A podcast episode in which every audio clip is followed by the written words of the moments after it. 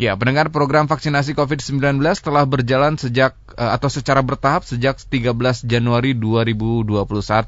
Melalui vaksinasi, pemerintah dan rakyat Indonesia menaruh harapan besar agar semua masyarakat dapat segera memperoleh kesempatan vaksinasi untuk mewujudkan herd immunity dalam waktu yang tidak terlalu lama sehingga Indonesia bisa segera terbebas dari pandemi COVID-19. Dari beberapa vaksin yang rencananya akan digunakan di Indonesia, baru satu vaksin yang telah e, memperoleh persetujuan penggunaan dalam kondisi darurat dari BPOM yaitu vaksin CoronaVac atau produksi Sinovac ya. Berdasarkan data-data uji klinis saat penggunaan atau persetujuan penggunaan dalam kondisi darurat ini diterbitkan, penggunaan vaksin tersebut diperbolehkan untuk kelompok usia dewasa dari usia 18 hingga 59 tahun. Namun seiring berjalannya penelitian dan juga mengenai atau perkembangan mengenai vaksin Sinovac yang digunakan saat ini masyarakat yang termasuk dalam kelompok usia lanjut atau lansia pun secara bertahap telah masuk dalam sasaran penerima vaksin ini.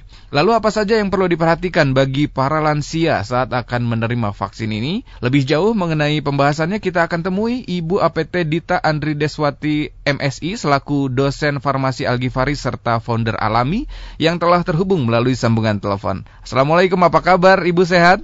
Waalaikumsalam, Kang Pio. Alhamdulillah sehat. Alhamdulillah. Lama tidak bersua, Bu ya? Uh, iya ya. di udara ya. Di udara. Sudah bertugas, Bu, atau masih ada kegiatan di luar uh, kampus begitu hari ini? Uh, Alhamdulillah sekarang ada di kampus hmm. lagi bertugas. Baik, untuk proses belajar mengajar masih secara daring atau sudah mulai adaptasi kebiasaan baru tatap muka? Kalau untuk teori kita masih daring ya mm -hmm. online, mm -hmm. tapi untuk praktikum dan penelitian yang memang harus di lab kita mm -hmm. tetap offline cuman ya tetap menerapkan mm -hmm. protokol kesehatan ya mm -hmm. gitu insya Allah baik ini akan ber berlaku hingga akhir semester ini mungkin begitu ya Bu ya kabar-kabarnya dari Mas Nadim seperti itu ya Juli hmm. kita udah bisa tatap muka lagi okay. mudah-mudahan ya amin. amin amin amin semoga mungkin dengan program vaksinasi yang berjalan ini juga bisa memunculkan harapan baru begitu ya oh iya betul Baik. kita punya harapan yang sangat besar hmm. dengan adanya program vaksinasi ya hmm. yang hmm. lagi digiat-giatkan oleh pemerintah hmm. gitu.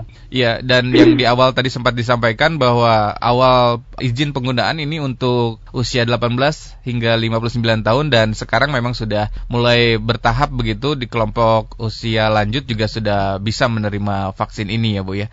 Har hari ini memang kita akan lebih spesifik membahas vaksin COVID-19 untuk lansia Ibu. Sebelumnya terima kasih banyak sudah bersedia kembali bergabung bersama kami di Fit Radio Bandung. Dan untuk Anda pendengar silakan bisa berinteraksi dan bergabung bersama kami melalui line SMS ataupun juga WhatsApp di 0811 2102 948. Kami ulangi nomornya di 0811 2102948 atau juga bisa mention kami melalui akun media sosial Twitter at Fit Radio Bandung. Baik, untuk mengawali Ibu, mungkin seperti apa tanggapan Ibu mengenai program vaksinasi yang sedang berjalan sekarang ataupun juga lebih khusus mengenai vaksin Sinovac yang tengah digunakan, Bu? Mhm. Tadi yang seperti yang dibacakan di awal ya, ya. yang Kang Tio ceritakan kalau di Indonesia itu baru satu vaksin ya mm-hmm. yang mm-hmm. disetujui dan ini udah lumayan banyak yang bisa menerima uh, vaksinasi itu mm-hmm. eh vaksin tersebut ya. Yeah, yeah. Tapi akan ada lima tempat jenis lagi yang akan masuk di Indonesia. Mm-hmm. Tapi saya nggak tahu nih, mudah-mudahan nih udah ada yang masuk ya. Mm-hmm. Jenis yang lain, yang pertama kan tadi Sinovac. Iya. Sinovac yeah. ini menghasilkan vaksin CoronaVac ya. Mm-hmm. Nah ini yang pertama kali dilandingkan di Indonesia. Mm-hmm. Kemudian ada nanti ada Novavax itu yang buatan Amerika, ada mm-hmm. AstraZeneca, ada Pfizer, mm-hmm. dan ada yang Covax itu nanti akan uh, vaksin-vaksin yang akan beredar di Indonesia. Mm-hmm. Kalau kita lihat data uh, penerima vaksin itu Indonesia itu kalau di, di dari populasi yeah itu um, di Asia, Asia Tenggara kayak yang terbesar deh. Jadi mm -hmm. data yang saya lihat per 6 Maret itu udah yeah. sampai yang uh, seperti kita ketahui vaksinasi itu kan ada dua kali ya kan Tio yeah, ya. Dosis pertama dan yeah, dosis, kedua. kedua yeah. Per 6 Maret itu datanya udah sampai 2 juta 552 265 orang yang mendapatkan hmm. vaksin yang tahap pertama, tahap yeah, keduanya yeah. baru sekitar satu juta lebih gitu ya. Baik. Dan ini mungkin setiap saat akan bertambah, bertambah ya dan ya. Indonesia hmm. itu sangat cepat dalam pelaksanaan pemberian vaksin hmm. COVID-19 ini. Per 6 Maret begitu data yang Ibu pegang ini sudah terbanyak atau tertinggi begitu ya di kawasan ASEAN untuk program pelaksanaan vaksinasi COVID-19 ini ya Bu ya? Iya betul-betul Kang Tio. Baik. Nah dari empat atau lima yang memang direncanakan akan digunakan juga di Indonesia, apa perbedaannya Bu dengan yang sekarang atau de dengan jenis vaksin CoronaVac yang sekarang digunakan Bu sebetulnya? Sebenarnya dari pengembangan proses pembuatan vaksinnya ya. Hmm. Tapi intinya semuanya adalah untuk meningkatkan imunitas uh, kita hmm. semua ya. Hmm. Jadi uh, insya Allah semuanya bagus, tapi hmm. mungkin ada beberapa proses pembuatannya atau mekanismenya nanti di dalam tubuh yang agak berbeda. Hmm. Tapi dari segi harga nggak terlalu jauh kok perbedaannya. Hmm. Baik. Alhamdulillah kan kita gratis ya. Alhamdulillah, alhamdulillah. ya, ini juga memang yang digunakan untuk lansia adalah yang vaksin dari Sinovac itu ya, Bu ya, untuk saat ini ya. ya. Nah, ya, betul betul. Uh, sebagai informasi dan edukasi mungkin untuk untuk masyarakat Bu yang yang bisa Ibu berikan begitu. Apa yang harus diperhatikan mengenai kondisi kesehatan bagi para lansia sebelum menerima vaksinasi, Bu? Oh iya sebenarnya kan bukan hanya untuk lansia aja hmm. ya yang harus diperhatikan hmm. bagaimana kondisi kesehatan buat yang usia 18 sampai 59 juga tuh banyak sekali hmm. persyaratannya ya seperti hmm. tidak boleh memiliki alergi, kemudian tidak lagi hmm. uh, demam tinggi, kemudian dia tidak memiliki penyakit akut atau serangan akut penyakit kronik, mm-hmm. kemudian mm-hmm. memiliki gangguan koagulasi atau perdarahan, mm-hmm. mengalami imude, imunodefisiensi atau sedang menggunakan terapi imunosupresif, mm-hmm. memiliki epilepsi atau gangguan saraf lainnya tidak terkontrol, mm-hmm. memiliki mm-hmm. penyakit autoimun, memiliki riwayat asma berat, sedang hamil atau merencanakan kehamilan, sedang menyusui atau pernah atau sedang menderita COVID-19. Hmm. Ini untuk uh, syarat umum ya Kang Tio ya. Yeah, yeah, yeah. Kalau untuk lansia sendiri, karena lansia ini kelompok khususnya yang tenaga kesehatan ya. Yeah. Jadi kelompok tenaga kesehatan yang usianya di atas 60 tahun, hmm. karena selain menjadi kelompok yang rentan uh, akibat berhadapan langsung nih dengan pasien COVID-19. Hmm, hmm, hmm. Nah, mereka juga berisiko mengembangkan kondisi fatal jika terinfeksi virus tersebut. Mm-hmm. Maka uh, si vaksin CoronaVac ini diberikan juga pada lansia diberikan sama ya itu secara mm-hmm. intramuskular dengan dua kali dosis, dua kali dosis. sama 14 hari gitu. Hmm. Tadi sempat disampaikan Bu menarik yang penerima vaksin begitu tidak uh, tidak dalam keadaan mengandung atau rencana untuk mengandung dulu begitu ya Bu ya? Iya betul. Nah itu berapa lama Bu? Mungkin bisa di, diinformasikan. Apakah dalam kurun waktu enam bulan, satu tahun, tidak dulu atau menunda kehamilan atau seperti apa Bu? Yang yang memang bisa diinformasikan, diedukasi kepada masyarakat begitu Bu? Sebenarnya kembali lagi ke masyarakat tersebut ya. Mm -hmm. Kalau saya sendiri sih menyarankan lebih baik apa mm -hmm. nanti khawatirnya dengan divaksin itu akan mempengaruhi uh, sistem hormonnya ya. Mm -hmm. Jadi ya mhm. mungkin enam bulan mm -hmm. ditunda dulu gitu gitu oh, atau kalau emang pengen banget punya anak ya yeah, yeah. tetap harus jaga protokol kesehatan dan jaga mm -hmm. imun ya mm -hmm. sehingga tanpa vaksin juga dia tetap sehat gitu mm -hmm. kalau sedang hamil sih emang belum belum boleh tapi mm -hmm. kalau sekarang itu uh, setahu saya yang menyusui juga yeah. katanya sih udah boleh udah boleh uh, ya vaksin hmm. gitu. Hmm, hmm, hmm, hmm, hmm. Baik, terima kasih penjelasannya. Ini lebih ke yang lansia tadi juga disebutkan begitu. Untuk kelompok lansia ini adalah yang 60 tahun ke atas begitu ya, Bu ya? Iya betul betul. Rentang uh, usia begitu. Nah, tadi apakah 14 hari rentang waktu pemberian dosis atau 28 hari Bu dan ini apa yang membedakan sampai harus rentang waktunya berbeda begitu untuk para lansia, Bu? Oh, untuk lansia tetap mm -hmm. 14 hari. Oh, begitu. 28 hari itu dulu ketika proses uji klinik gitu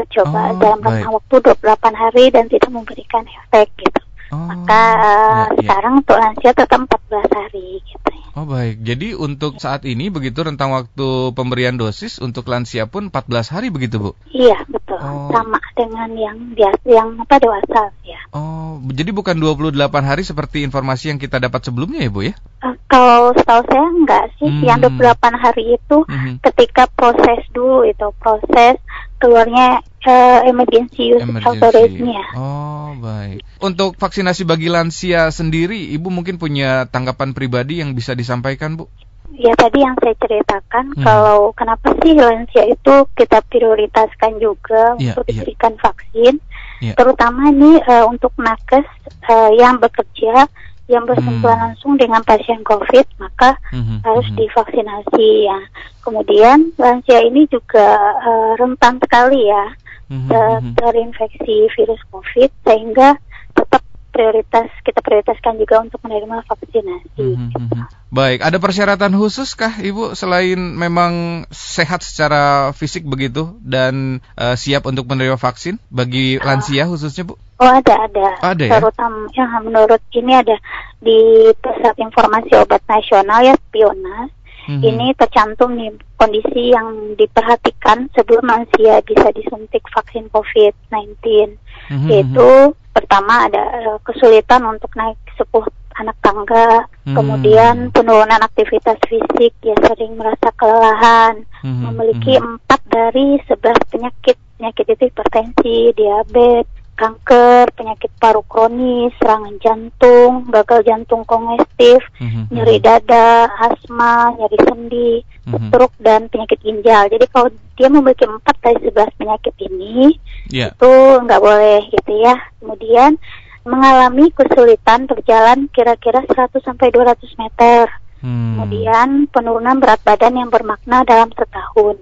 Bila calon penerima vaksin lansia ini hmm. memenuhi eh, lebih dari atau sama dengan tiga poin di atas, yeah. maka tidak dianjurkan untuk memperoleh eh, vaksin COVID-19. Hmm. Jadi ada lima kriteria tadi ya, kalau yeah, dia yeah, yeah. punya tiga itu nggak boleh gitu, tidak dianjurkan. Oke baik, jadi minimal gitu. tiga berarti ya Bu ya. Ketika ada tiga pertanyaan yang dijawab iya, berarti ditunda begitu Bu ya?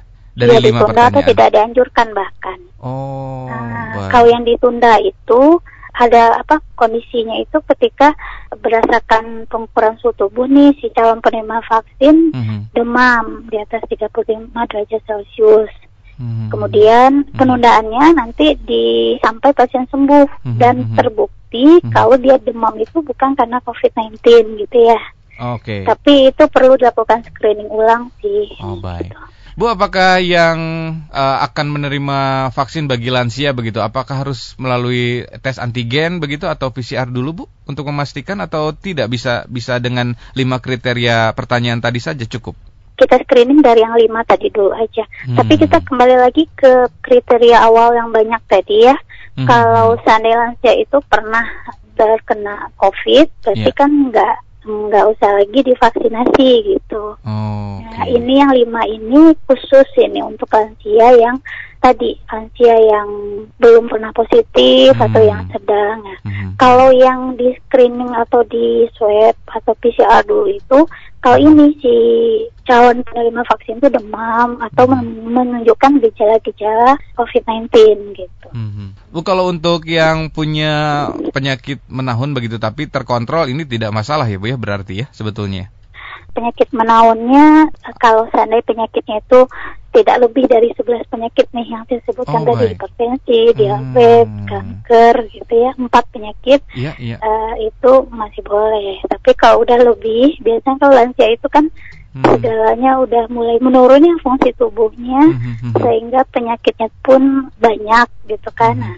ini juga harus diperhatikan ketika men-screening uh, ini calon penerima vaksin gitu. Jangan-jangan hmm. kondisi fisiknya atau tubuhnya itu udah terlalu banyak penyakit sehingga hmm. ketika divaksin imunnya turun ya justru bukan hmm. kekebalan yang diharapkan hmm. tapi malah menambah penyakit-penyakit baru buat hmm. lansia tersebut. Baik, terima kasih Ibu penjelasannya dan mungkin selanjutnya apakah Ibu juga punya tanggapan pribadi mengenai strategi yang dilakukan pemerintah mengenai program vaksinasi yang sedang berjalan saat ini Bu terhadap tujuannya adalah membentuk herd immunity Bu. Apakah memang sudah tepat, sudah efektifkah caranya atau mungkin Ibu punya penilaian lain Bu?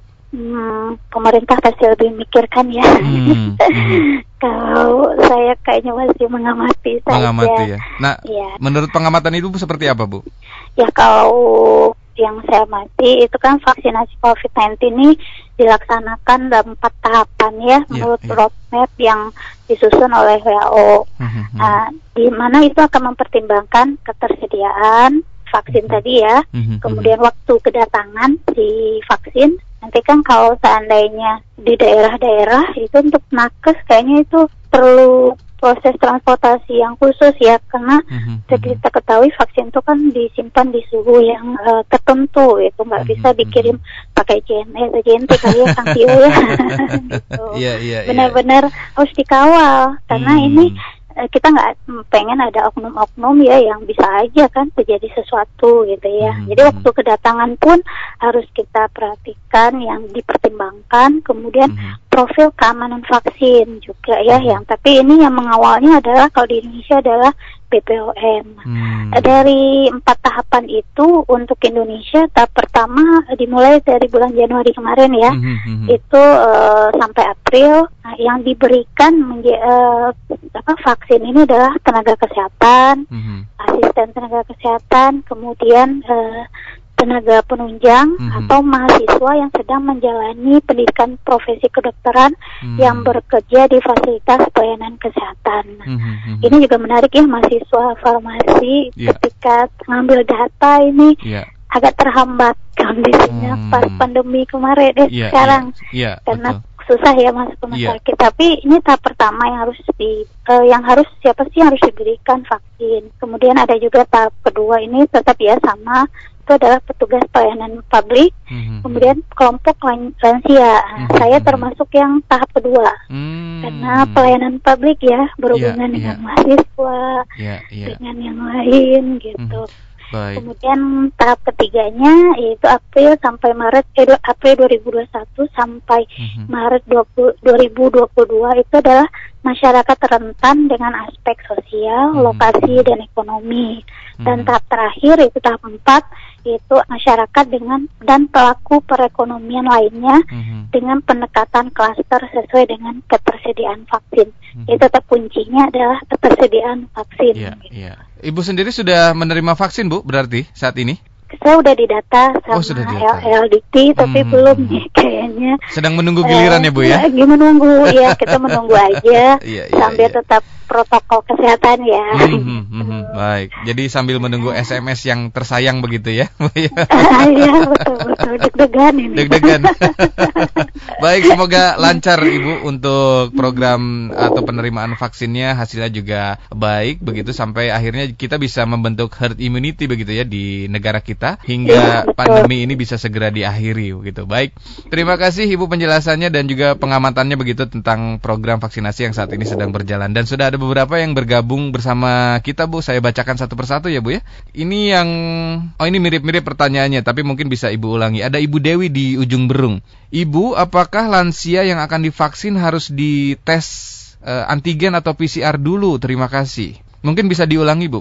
Oh ya, tadi hmm. udah ya. Hmm. Uh, kalau seandainya pas uh, lansia tersebut tidak apa tidak melihatkan gejala atau pasien tersebut uh, tidak terpapar atau bertemu dengan yang positif COVID, jadi mm-hmm. tidak perlu dilakukan PCR. Tapi mm-hmm. kalau uh, ada gejala nih, uh, demam atau mm-hmm. mungkin gejala-gejala yang lain mm-hmm. dari mm-hmm. COVID, berarti kita lakukan PCR dulu untuk memastikan mm-hmm. lansia tersebut terpapar atau lagi mm-hmm. uh, terinfeksi virus COVID-19 gitu. Mm -hmm. Tapi jika tidak berarti cukup dengan lima pertanyaan yang uh, disampaikan nanti di tahap screening begitu ya Bu ya? Iya betul. Baik. Cukup uh, beberapa screening ya baik mm -hmm. yang umum atau yang khusus lansia. Mm -hmm. Baik, terima kasih. Begitu Ibu Dewi di ujung burung tanggapannya. Dan berikutnya ada juga Ibu Tita di oh tidak disebutkan dari mana. Ibu untuk lansia yang ingin menerima vaksin harus mendaftar ke mana ya? Apakah juga menerima SMS e, melalui nomor yang dikirimkan? Jika tidak punya nomor pribadi, apakah bisa diwakilkan ke keluarga anggota? Eh, mohon maaf, ke anggota keluarga yang lain. Terima kasih.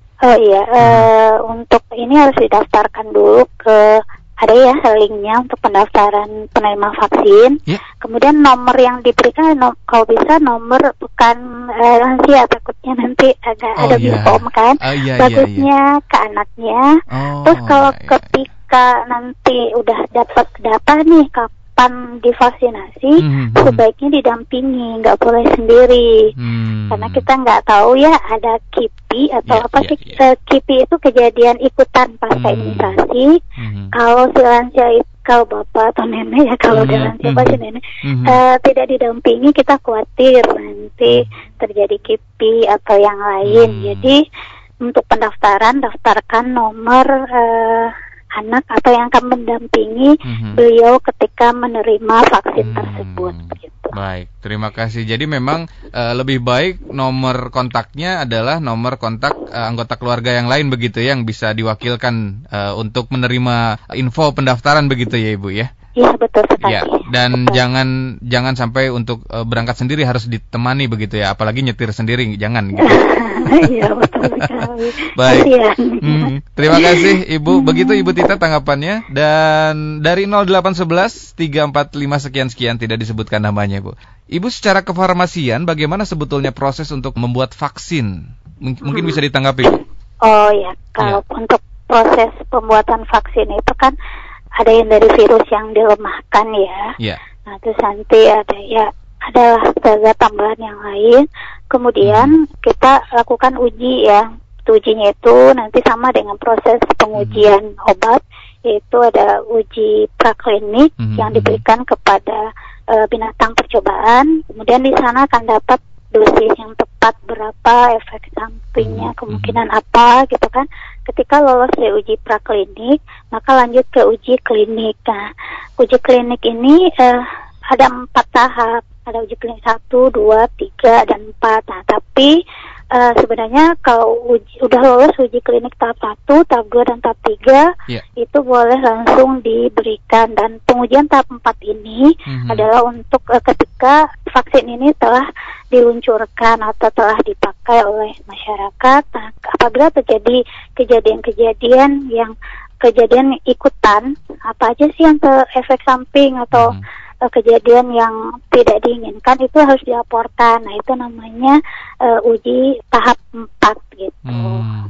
Baik, Ibu di luar kondisi yang saat ini begitu ya, kondisi kedaruratan yang akhirnya di, diberikan atau diterbitkan persetujuan begitu untuk penggunaan vaksin. Nah, di iya. kondisi yang normal biasanya berapa lama Bu idealnya begitu dari proses awal hingga akhirnya bisa terbit surat izin edarnya begitu Bu? Wah, kalau normal mm -hmm. ini bisa sampai 2 sampai 4 tahun ya. Hmm. Dan yang menjadi uh, objek untuk pengujian itu pun sangat banyak. Cuma karena hmm. kita darurat, hmm. hanya dalam waktu tiga bulan izin EUE dari vaksin itu udah keluar. Tapi hmm. BPOM khususnya di Indonesia ya tetap yeah. melakukan yang namanya pemantauan yang terus menerus yang rutin uh, tentang apa sih kendala atau akibat-akibat ketika hmm vaksin telah diberikan kepada masyarakat. Dan kebetulan saya juga tergabung di relawan grup ya grup yeah. relawan pengamat vaksin gitu kan. Mm -hmm. uh, yang kita khawatirkan tuh ternyata banyak banyak sekali berita hoax ya hmm. yang bisa menyebabkan masyarakat takut divaksinasi hmm. gitu. Salah satu contoh hoax yang bisa di menjadi edukasi apa bu? Yang yang memang salah kaprah begitu di masyarakat? Oh, jadi banyak yang mengatakan kalau setelah divaksin tuh positif COVID-19 gitu, hmm. gitu. Sampai ada yang dikabarkan ada yang meninggal setelah divaksin. Beritanya sampai fotonya entah foto siapa yang diupload hmm. gitu. Hmm. Nah itu harus di masyarakat harus bijak ya e, menerima berita-berita seperti itu dan kita yakin pemerintah tidak akan e, apa ya pasti yang khususnya BPOM pasti akan mengeluarkan hmm izin itu bukan main-main karena yang duduk di PP yang mengeluarkan izin itu bukan sembarangan ya pasti mereka yang ahli di bidangnya. Hmm. Gitu. Baik, ibu berarti yang tadi uh, hoax begitu ya? Jadi seseorang yang sudah divaksin akan menjadi positif begitu dan ini berbeda dengan OTG bu berarti ya? Kalau OTG itu sebenarnya terpapar saja karena dia hmm. tidak terinfeksi ya sebenarnya. Terpapar tapi tidak terinfeksi begitu ya Bu ya. Jadi dia tubuhnya itu kuat, kuat dia ya? tidak hmm. dia itu mampu melawan atau membunuh si virus tadi. Jadi kalau imunnya itu sangat kuat. Jadi kalau kita ibaratkan imun itu seperti mesin penghancur. Hmm. Jadi apa pun yang masuk ke tubuhnya dihancurkan. Hmm. Tapi ketika dia ketika di, di dalam tubuhnya itu ada virus, dia bisa menyebarkan ke yang lain gitu. Hmm. Cuman tubuhnya responnya biasa aja, biasa tidak aja, ya? seperti hmm. yang uh, ada penyakit-penyakit yang hmm. lain gitu. Hmm. Tubuhnya kalem-kalem aja gitu ya Bu ya. Kalem-kalem aja dia santuy jadi. Santuy, tubuhnya santuy. Tapi uh, tadi menarik juga nih, apakah memang yang sudah divaksin begitu ya Bu ya? Dan yeah. dilakukan swab atau PCR, ini nilainya akan positif atau negatif sebetulnya Bu? Kalau OTG? Iya, dan yang divaksin begitu Bu? Kalau yang divaksin maksudnya yang divaksin kemudian dia positif atau gimana? Ya, jadi ketika sudah menerima vaksin terus dicek eh, secara PCR apakah memang jadi positif atau tetap negatif, Bu, sebetulnya?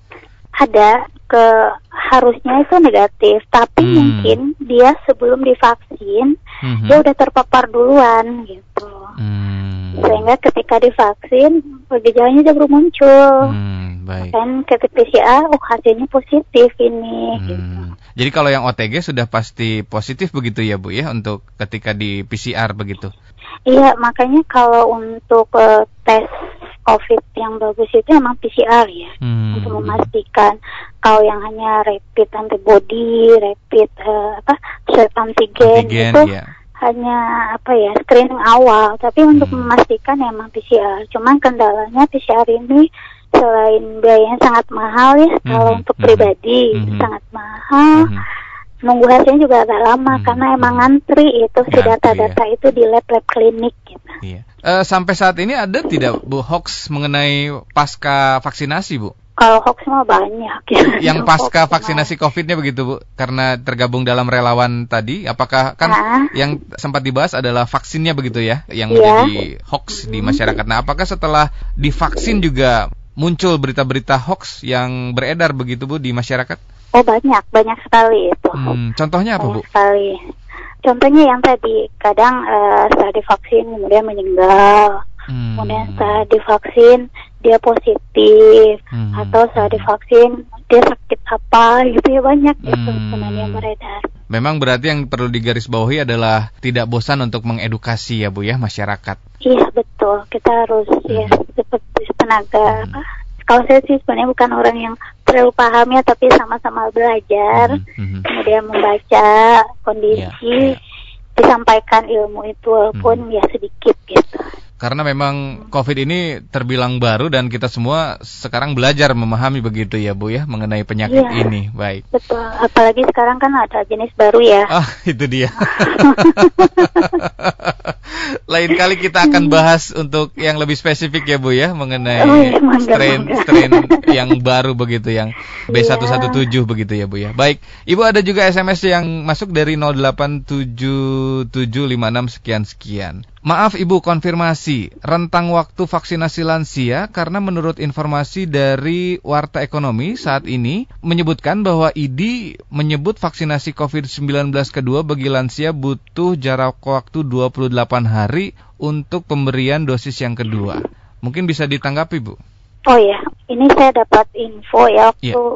mungkin saya yang salah tangkap dalam mm -hmm. membaca. Mm -hmm. Cuman uh, ini kalau yang saya baca gini, yeah, yeah. CoronaVac itu untuk kelompok lansia yang telah diuji klinik fase 1 dan 2 itu melibatkan subjek lansia sekitar 400 orang di Cina. Mm -hmm. Ini diberikan dua dosis vaksin dengan jarak mm -hmm. 28 hari memberikan hasil mm -hmm. imunogenisitas yang baik yaitu serokonversi rate-nya itu 97,96 persen. Mm-hmm. Nah, dan keamanan itu dapat ditoleransi dengan baik, mm-hmm. tidak ada efek samping yang serius.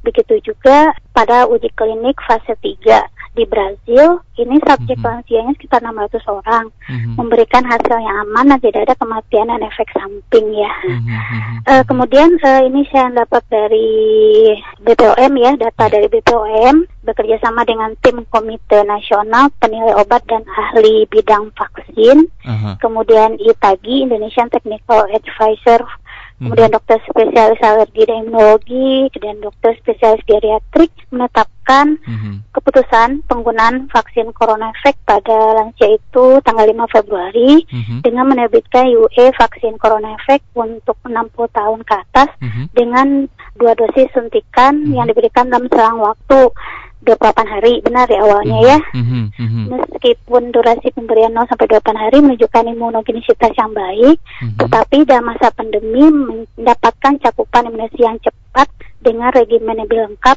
lebih disarankan menggunakan jadwal pemberian 0 sampai 14 hari. Hmm. Oh, mungkin saya yang salah tangkap tadi. Kalau dari hasil BPOM uh, itu emang 0 sampai 28 hari. Yeah, yeah. Tapi kalau untuk masa pandemi ini yeah. katanya sih untuk mendapatkan cakupan imunisasi yang cepat dengan regimen yang lengkap dia hmm. sarankan menggunakan jadwal 0 sampai 14 hari. Hmm. Kini saran saya saran, kayaknya ya. terlalu cepat baca baik, tadi. Baik. Terima kasih yang telah memberikan ya, tanggapan ya. tadi. Saya mohon maaf. Ya, jadi memang ya. sarannya begitu ya Bu ya, tetapi ya, memang disarankan, dari, disarankan 0 begitu. 14 hmm. Tapi dari uji klinik yang dilakukan memang rentang waktu yang uh, digunakan adalah 28 hari ya pemberian iya, dosis ya, pertama dan betul, dosis betul. kedua. Baik. Terima kasih juga untuk konfirmasinya dan juga terima kasih Ibu tanggapannya. Terakhir satu lagi ya Bu ya, ada Bapak Yudi ya. di Cimahi. Ibu berapa waktu sebenarnya yang bisa dibutuhkan oleh ahli farmasi untuk bisa mengetahui seseorang ini terjangkit atau tidak, uh, positif atau tidak mungkin begitu masuknya ya, uh, melalui rapid, swab atau genose Bu? Uh, sebenarnya kalau swab antigen itu mm-hmm. ketika terpapar dalam waktu 1 sampai 3 hari itu sudah menunjukkan positif gitu. Mm. Rapid antigen. Tapi kalau yang PCR, PCR ya, yeah. itu kan swab PCR yang PCR itu udah mentang waktu 14 hari itu si virus itu masih ada di tubuh gitu. Berarti kan yang dilihat adalah keaktifan virusnya ya di dalam tubuh kalau PCR.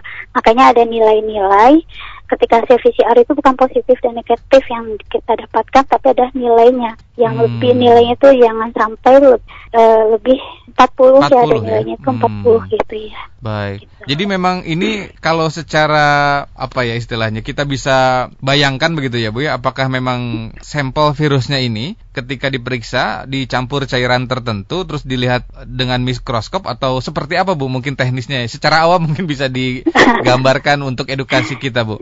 Yang dilihat itu nanti kan antibody dari tubuh pasien oh ya, nanti ya. darah kemudian darahnya nanti direaksikan dengan ada antigen ya yang nanti ada alat hmm. kemudian alat itu lah yang membaca kalau yang PCR hmm. dan alat itu lumayan uh, namanya Elisa ya itu lumayan hmm. uh, tidak semua punya dan harganya sangat mahal. Hmm, baik. Jadi tidak menggunakan mikroskop seperti di film-film begitu ya, Bu?